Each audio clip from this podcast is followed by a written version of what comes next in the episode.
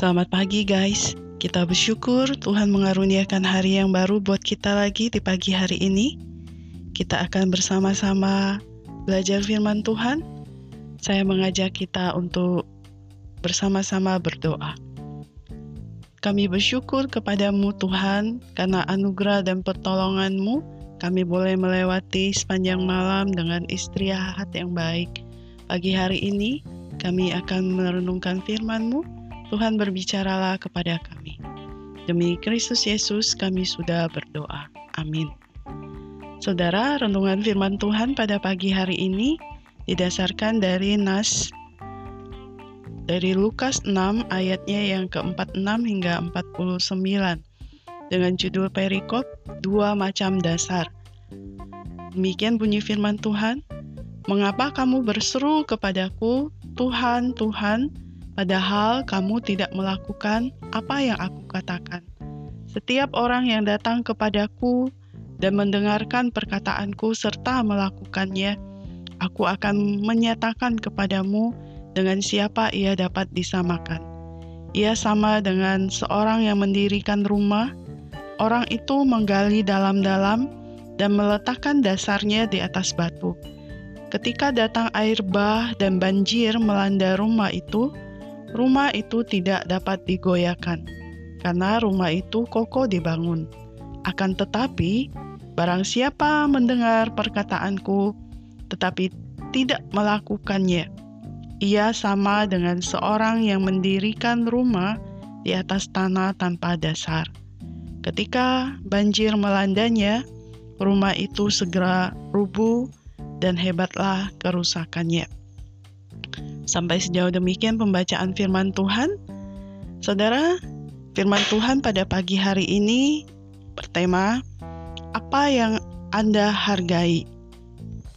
Saudara, seorang bernama Robert Giner, seorang peneliti di Pusat Kepemimpinan Kreatif di Colorado Spring, mendapati bahwa nilai-nilai yang kita sebut sebagai milik kita ternyata tidak begitu sesuai dengan tindakan nyata yang mungkin kita pikirkan.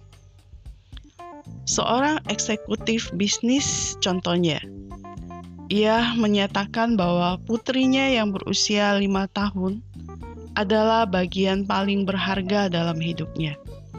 Menyadari bahwa biasanya ia berangkat kerja sebelum putrinya bangun dan sering pulang ke rumah setelah putrinya itu tidur di malam hari. Maka pada hari Sabtu, ia meluangkan waktu bersama putrinya dan mengajaknya ke kantornya. Setelah melihat berkeliling, putrinya bertanya, "Papa, inikah tempat tinggalmu?"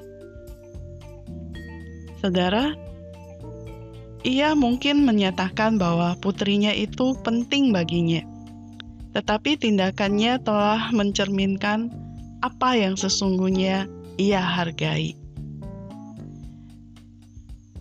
Guys, demikian juga dalam hubungan kita dengan Tuhan Yesus. Dia meminta ketaatan kita, bukan sekedar perasaan nyaman atau pernyataan percaya dia bertanya kepada mereka yang mengikutinya, "Mengapa kamu berseru kepadaku, Tuhan, Tuhan, padahal kamu tidak melakukan apa yang aku katakan?" Yesus menggambarkan maksudnya dengan perumpamaan pembangun rumah yang bodoh dan bijaksana. Fondasi batu koko yang dibangun oleh pembangun rumah yang bijaksana menggambarkan hasil ketaatan kita kepada Allah. Perbuatan ini memuliakan Kristus dan memampukan kita bertahan dalam badai kehidupan. Sudahkah kita sungguh menganggap Allah berharga, bukan hanya dengan perkataan kita? Sudahkah kita sungguh taat pada Allah sebagai bukti bahwa kita menghargai kehadirannya dalam hidup kita?